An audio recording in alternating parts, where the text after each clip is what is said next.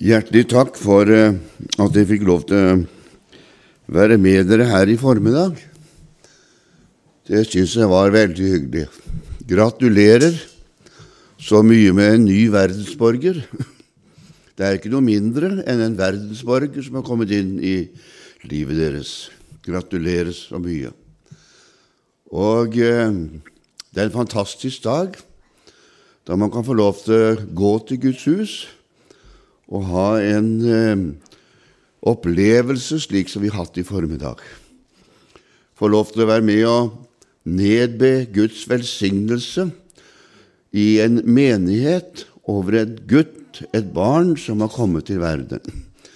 Nå regner jeg nok med at den gutten har blitt bedt om for lenge siden, så det er ikke noe nytt bekjentskap innenfor en levende Gud.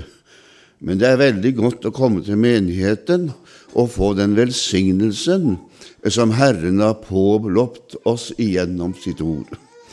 Og så er det opp til oss, da, som er foreldre, og som har hatt den glede å få disse barna. For det er ingen rett å få barn. Det er Guds gave som vi får dem til. Det er Gud som har gitt oss dem, og det er fantastisk å få lov til å få dem. Så er det vår plikt da, til å dra opp disse barna. Og Bibelen sier at vi skal dra dem opp i hellig gudsfrykt. Og skal vi klare det, da har vi bare én mulighet. Det er at vi som foreldre vandrer fram og viser dem veien, hvordan de skal leve. For de gjør akkurat slik stort sett som vi gjorde. Og eh, jeg eh, husker mine barn. Når de vokste opp, og blei store, så sa de alltid 'det gjorde pappa', 'det gjorde mamma'. Altså slik gjorde de det. Altså så vandret de etter på samme måten. Og Derfor er det veldig viktig for foreldre at dere tar med dere barna til Guds hus, til vanlige møter òg. For eh, det er viktig at de lærer seg å gå til Guds hus av sedvane fra de er små. Jeg har selv vært forstander i mange, mange år, og det flotteste jeg visste, vet du hva det var? Det var når jeg fikk fylle den første benkene med barn. Det var det flotteste jeg fikk være med om. Jeg sa det til foreldrene. Kan dere ikke slippe dem, se? For de satt og niholdt på det mange ganger, vet du. Slipp dem, se, så skal jeg fikse det, se. Så gikk jeg bort til ungene og sa vi kan ikke dere sitte på første benk, se, så jeg får prate med dere. se. Og de satte seg på første benk. Og der satt de. Og noen sovna på første benk, og det var jo fantastisk, for da var det god atmosfære. Jeg tok det alltid som en god atmosfære når barna sovna. Da tenkte jeg å, nå, nå er det fin atmosfære her. Nå sover de. Og så satt de der på første benk og lærte seg til å sitte på første benk. Og dermed så hadde jeg alle barna framfor meg. og Noen ganger kunne vi ha borti, borti 20 barn og 30 barn, og vi kunne ha borti 40 barn. Og, og, de satt rundt omkring på første benk, og det var fantastisk skue. Og, og, så hadde vi alltid en preken for barna først. Vi måtte ha fletta inn i denne boka. da, vet du. Det var fantastisk. Og, og så er det fenomenalt. Og så var jeg søndagsskolelærer i en del år, og da hadde jeg barn fra tre til sju år. Og jeg hadde 30 stykker. Du kan tenke deg 30 stykker fra tre til sju år. Og så, sa de, så hadde jeg da Da satt jeg på plattforma da, med dem. Oppå plattforma sånn satt jeg med dem. Satt på gulvet. Og hadde dem da rundt halsen og på beina og overalt. De krabla hvor som helst. Og så satt jeg og fortalte dem ifra denne boka. Men da må det fortelles levende igjen, da. Og da ba jeg til Gud, husker jeg, fra mandagen til søndagen, gi meg et levende budskap, så disse ungene sitter og lytter. Og så hadde jeg én bønn. Herre, vil du gjøre det så at de får lyst til å gå til søndagsskolen? Slik at ikke mor og far må si det hver eneste søndag, du må på søndagsskolen men at de får lyst til å gå på søndagsskolen. Og Da husker jeg flere ganger foreldrene sa vi hadde tenkt å, å vært hjemme i dag, men ungene masa stå. De skulle på søndagsskolen, for de skulle møte Torstein. Da nådde jeg målet. Da nådde jeg målet, for det var de som ville gå, og det var fantastisk. Og etter en del år, en flere del år som jeg fikk lov til å virke for Gud som forstander, så møtte jeg igjen disse barna. Møtte jeg igjen disse barna. Og Da jeg kom til Haugesund som forstander, så møtte jeg igjen to-tre av disse guttene som var små, som gikk på søndagsskolen med meg når jeg bodde i Oslo. Og da døpte jeg dem. Da døpte jeg dem. Da han kommer fram til den levende tro på en levende Gud. Og da er det bare én vei, vet du. Da er det dåpens vei. Du er nødt til gjennom vannet. Og jo lenger du venter med det, verre blir det. Du må gjennom vannet. Du kommer ikke utenom. For det er på andre, ved siden, altså, andre ved siden av elva som det er velsignelse. Det er ikke på denne sida, men det er på andre sida. Og da sto jeg oppe i dåpskummet, jeg glemmer det aldri, med den ene gutten som da hadde blitt 19 år. 19 år, han hadde tatt den bestemmelsen. Jeg vil følge Jesus. Og da klarte jeg ikke å holde meg. Da ropte jeg det ut. Du mor, som jeg vet sitter i denne sal, som har båret denne unge under din bringe, som har bedt for denne gutten gjennom alle disse årene. Det må være den lykkeligste dagen i ditt liv da du ser han går i dåpens grav for å vandre med et nytt liv sammen med Jesus. Det må være den lykkeligste dagen i ditt liv. Det er det for foreldre. Den lykkeligste dagen i vårt liv da vi ser barna våre ta et standpunkt for Jesus, går i dåpens grav, går inn i menigheten, følger oppe og tar opp stafettpinnen videre og følger dette videre. Er den lykkeligste dagen i våre liv. Det er fantastisk. Så vi må be til Gud som menighet og be til Gud at det skal lykkes. Skal lykkes. Og tenk at i denne salen Det må være fantastisk i denne salen sitter det oldeforeldre som har fulgt Jesus, og som har bedt for sine barn, som igjen følger Jesus, som igjen har bøtt for sine barnebarn, som igjen følger Jesus, og som nå, nå ber for sine oldebarn om at de skal følge Jesus. Er det ikke fantastisk? Det er fenomenalt.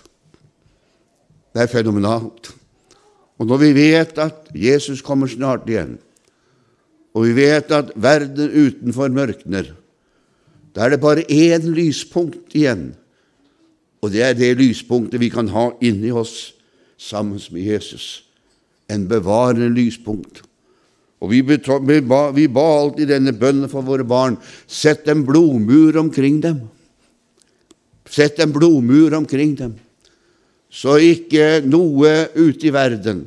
For de var på skoler, de var ute med, med kamerater, de var ute i verden.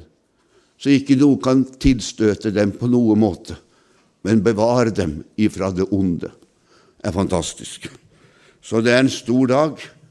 Gratulerer så mye med denne store dagen, dere alle sammen. Fantastisk. Jeg skal i formiddag Jeg skal ikke holde lang preken. Fordi at eh, jeg syns det er så fantastisk med barnevelsignelse. Er du klar over det, du som har barn, som har et lite barn? Er du klar over det? Det er den eneste lille tiden i ditt liv Den eneste lille tiden i ditt liv da du får lov til å se inn i et fullkomment menneske. Er du klar over det? Det er den lille, korte stunden du har dette nyfødte barn og framover en liten stund, da du ser inn i et fullkomment menneske som ikke har gjort noe galt, som ikke har tenkt en dårlig tanke, som ikke har gjort en ond gjerning, men som er fullkommen i Guds bilde. Har du tenkt over det? Det er fantastisk. Derfor barna hører Guds rike til, og ikke la noen røve det fra dem. Du og jeg har hatt ansvar for at de skal få lov til å være der for bestandig. Gud velsigne dere, alle foreldre som har barn. Dere er heldige. Dere er heldige. For det er en gave ifra Gud. En gave ifra Gud. Selv har jeg tre barn. Jeg har åtte barnebarn, og jeg har fire oldebarn. Så jeg er rikt utrustet, og alle sammen er med i en menighet og arbeider i Guds rike. Det er fantastisk. Så det er en Guds velsignelse. Så det er fenomenalt. Ja, da skal jeg si litt. Jeg har fått denne teksten for lenge siden, så den har egentlig ikke med barnevelsignelse å gjøre på den måten. Men jeg skal tale om en liten gutt i Bibelen som en dag var på møte sammen med Jesus. Det passer jo veldig godt inn, da. Jeg visste ikke at det var barnevelsignet før noen her om dagen. Passer veldig godt inn. Det var Jesus som var på traktene i Tiberias, et nydelig sted i Israel.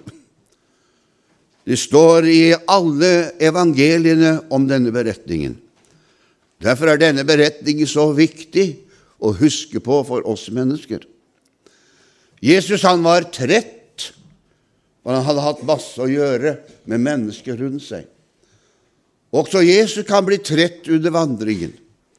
Noen ganger satte han seg på brønnkanter, andre ganger så han, gikk han avsides og denne gangen så sier han til disiplene sine, la oss gå opp avsides og være aleine litt, for jeg er trett.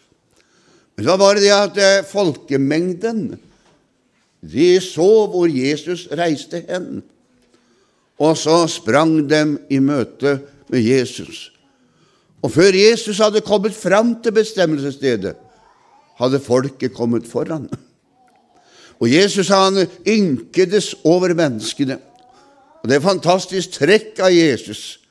Han har dette enestående trekket som ikke noe menneske kan klare å få fram enn Jesus. Han ynkedes over dem.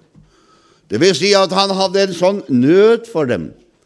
For han så på menneskene og så at det var mennesker som trengte han. Og Derfor så gav han opp sine planer om å gå til sides for å hvile. Og så begynte han å betjene menneskene isteden. Det er så likt Jesus. Han eh, betjener oss mennesker. Han møter oss mennesker. Han hjelper oss mennesker. Og Derfor så er det så godt å vite at det står i denne boka den som ber, han får.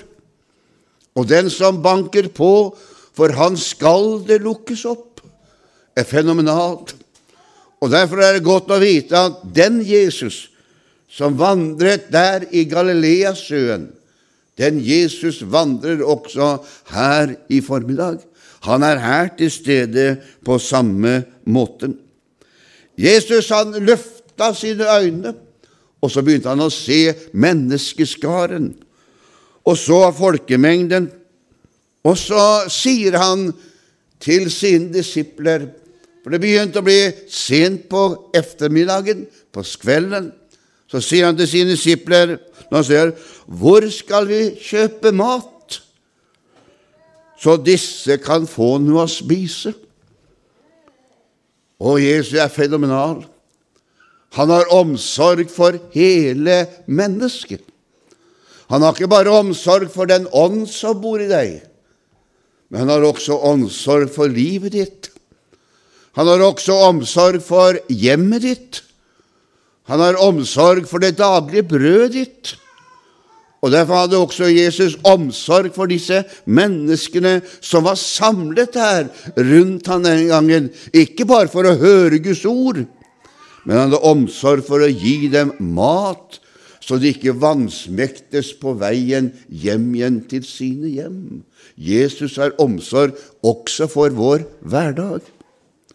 Det som er underbart å vite, det er det at vi som familie, vi som foreldre, vi som enkeltmennesker, vi kan få lov til å komme til Jesus med alle ting. Og det er ikke en eneste ting i livet som ikke Jesus bryr seg om. Han bryr seg om når vi er barn, når vi er små. Han hører barnas bønner. Jeg husker vi mista vår far da jeg var seks år. Da jeg var i syv-åtteårsalderen, fikk mor en kraftig astma. Og det gjorde at mange ganger så klarte hun ikke puste. Og Den gangen var det ikke sånne medisiner som nå. Og Noen ganger så satt vi tre barna oppi senga hennes, denne store familiesenga som hun hadde, og så på hvordan mor sleit med pusten og sleit med livet. Og hva var det vi gjorde da? Jo, vi hadde lært oss å be. Så vi tre barna vi satt rundt omkring mor, og så ba vi Herre, Jesus, sa jeg mange ganger, du som tok pappa ifra oss og førte han hjem til himmelen. Ikke gjør det med je, mamma. Kan vi få lov til å ha henne en stund til? Og Så ba vi at mamma måtte få lov til å leve. Og hver gang vi ba, hørte Jesus bønnen. Og så hørte vi det letta i brystet på. Så hørte vi at hun begynte å puste normal igjen. Hun overlevde gang etter gang, og vi ba til Gud. Vi fikk ha vår mor i 77 til hun ble 77 år. Og når hun ble 77 år, så ble hun så syk at hun sa til oss nå har du hatt oss meg lenge nok, nå har du fått bønnesvar, nå vil jeg ha bønnesvar, jeg vil flytte hjem til Herren. Er det ikke underbart? Sånn er Jesus. Han har omsorg for barnas bønner, og han har omsorg for ungdommens bønn. Og Det er så viktig at vi som unge at vi ber til Gud også når det gjelder framtiden vår. At vi ber til Gud om hvilket arbeid vi skal sakte fram mot, hvilken skole vi skal gå på, og ikke alle med hvilken mann eller kvinne vi skal ha ved vår side. Det er så viktig at vi ber til Gud, for Gud ønsker å velsigne oss på en underbar måte, også i hverdagen. På denne måten han har omsorg for hele mennesket. Her hadde han omsorg for mennesket. Så spurte han sine disipler, men så står det nesten han visste selv hva han ville gjøre. Du skjønner, Jesus har ikke Han vet alltid hva han vil gjøre. Men han er så fenomenalt god at han vil ha deg og meg med på sine tanker. Det er det som er så fenomenalt med Jesus. Han er så velsigna god. Han vil så gjerne at du skal være med og få lov til å oppleve noe av det Jesus får til i hverdagen. Og Derfor vil han ha disiplene med seg på disse tingene her. Han vil ikke gjøre det alene, han vil ha disiplene med seg. Og Derfor har Jesus den samme dag han vil ha Jesus vil ha deg med deg, slik at du blir med Jesus på det som skal skje rundt omkring hans, så du skal få en velsignelse ut av det Jesus gjør, og kan glede deg over at du får være med og tjene Jesus på denne måten. Så kommer Philip. En av Jesu disipler, sier han, Du, Jesus, vi har bare 200 denarer. Totallet, det står for de 2000 årene som evangeliet skal gå over jorden. Og Nå nærmer vi oss avslutningen på den.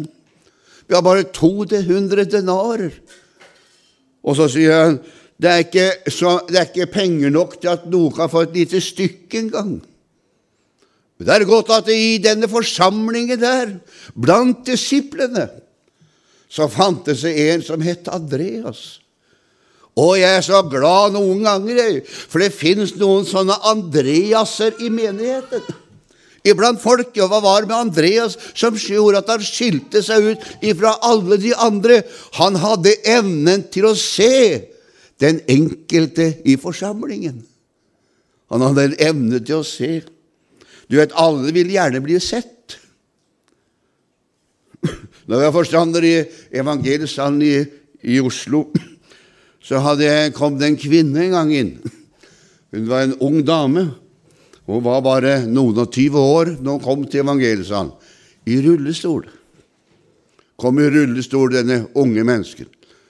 Hun kunne ikke gå. Hun hadde jernskinner på beina for å klare å stå oppreist lite grann en som satt og i rullestol. Og eh, var ingen som snakket til henne. Men jeg gikk ned til henne og så sa jeg, du, vennen min, så hyggelig å se deg. da, sa jeg, Hvor kommer du ifra? Og så fikk jeg kontakt med henne. Og hver eneste gang så kom hun på møte. Hun hadde blitt sett. Det gjorde at eh, hun som heter Lonnie, hun gikk på hvert eneste møte siden. Hun kom i rullestol. Stadig vekk i rullestol. Så sier Lonnie til meg Jeg hadde slutta i evangeliesalen etter mange år. Så mista hun litt kontakten. Men så fikk hun kontakt med en dame oppe fra Gudbrandsdalen. Og så sier Lonnie til meg 'Jeg flytter til Gudbrandsdalen', sa han. Og gjorde hun det. Så fikk jeg en telle for en dag, og så sier de 'Vet du hva', sier Lonnie. Nei, sier jeg. I dag så har jeg gått ut av rullestolen, sa han. I dag går jeg på beina mine, sa hun, og har gått en kilometer. Det er fantastisk.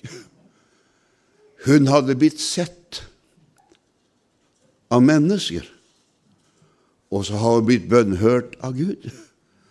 Og nå var jeg der oppe for bare noen uker siden og bodde hos henne. Og da gikk hun rundt og spaserte kilometer etter kilometer på sine bein. Og jeg sa jeg må få lov til å se på de beina dine, Lonnie, for jeg har sett dem bare med skinner. Nå var skinnene borte. Rullestolen var borte og hadde fått seg et nydelig hjem der oppe i Gudbrandsdalen. Og jeg fikk lov til å være gjest hos henne en natt der oppe og se hva Gud kan gjøre. Men det var én som hadde sett henne. Andreas var en sånn en mann. Han var Peters bror. Det er ikke så mange ganger du hører om Andreas. Han er den anonyme i disippelflokken. Mens Peter ble den som ble fremhevet. Men det var Andreas som fant Peter og førte ham til Jesus. Så kommer Andreas og sier, 'Her er det en liten gutt, Jesus'. På Andreas hadde sett den lille gutten. De andre hadde oversett han, men ikke Andreas. Andreas hadde sett den lille, den lille gutten som kanskje sto for seg sjøl, eller satt for seg sjøl, ikke vet jeg. Han var i hvert fall der, og Andreas så han. Men han så ikke bare gutten, han så at gutten hadde noe med seg. Hør, min venn, alle vi mennesker har noe med oss som vi har fått med oss i fødselsgave. Alle vi mennesker har fått noe med oss som Herren vil anvende. Noen mennesker har vært flinke på fingra sine. Andre er flinke til å synge. Andre igjen er flinke til å spille. Andre, andre, er kreative på forskjellige områder. Du har fått noe med deg i fødselsgave av Gud. Du har fått en pakke med deg. Og Gud vil så gjerne bruke den pakka di i sitt rike, så han kan få lov til å være med og spille på mange tagenter og fremme sitt rike i menigheten og på jorden. Altså Andreas han så at gutten hadde noe med seg. Og hva hadde han med seg? Han hadde med seg fem vanlige byggbrød. Det var det som var mest vanlig på tiden. Det var det som var allemannseie. Det var det som alle spiste, var byggbrødet. Helt ned til den fattige så var det byggbrød som ble spist. Fem stykker. Og de fem byggbrød forteller deg og meg litt at det, det, har noe med ansvar å gjøre. Felttallet har med ansvar å gjøre. Og brødene har med Guds ord å gjøre. Fem byggbrød og to fisker. Det var det han så han hadde, denne gutten. Men Andreas han var litt forskrekket allikevel, så han måtte legge litt til. Men hva er det til så mange? Har du sett hvordan du og jeg reserverer oss noen gang? Ja, men, sier du, hvordan skal jeg kunne det? Og så kanskje du reserverer deg, men ikke gjør det. Si til Jesus, her er jeg og de talenter du har gitt meg. La meg få lov til å bli brukt av deg på den måten. Kan ikke du stemme de talentene mine, så jeg kan få lov til å være med og virke for deg på din måte, Jesus, i ditt rike? Bruk meg slik som du kan bruke meg, for det er han eneste som kan stemme våre redskaper. Og denne gutten han kommer til Jesus, Så spør Jesus. Jesus tar aldri noe ifra oss. Han bare spør kan jeg få låne, eller kan jeg få nistepakka di? Kan jeg få dine talenter? Kan jeg få de gavene som du er utrustet med? Kan jeg få det? Det er du som må gi det fra deg til han. Du har fått det ifra han, men du må også gi det tilbake igjen til han skal få bruke det. Og gutten, han gir dette til folk, Jesus. Og så gjør Jesus det som er så nødvendig å gjøre. Det er bare han som kan klare dette. Han ser opp mot himmelen, og så velsigner han det lille. Han velsigner det lille, og så blir det så mye mer ut av det. Så velsigner han brødene, så velsigner han fiskene, og så står det at han delte ut til folket. Det var 5000 mennesker, foruten kvinner og barn. Han delte ut alt sammen til disse her. Og det ble nok til alle. Hør, min venn, det Gud har gitt deg, om du syns det er smått eller stort, det er nok til alle som Gud sender deg til. Som Gud sender deg til, så er det nok til alle. Så sier Herren til slutt, du, når dere er mette nå, så samler dere opp maten som er til overs.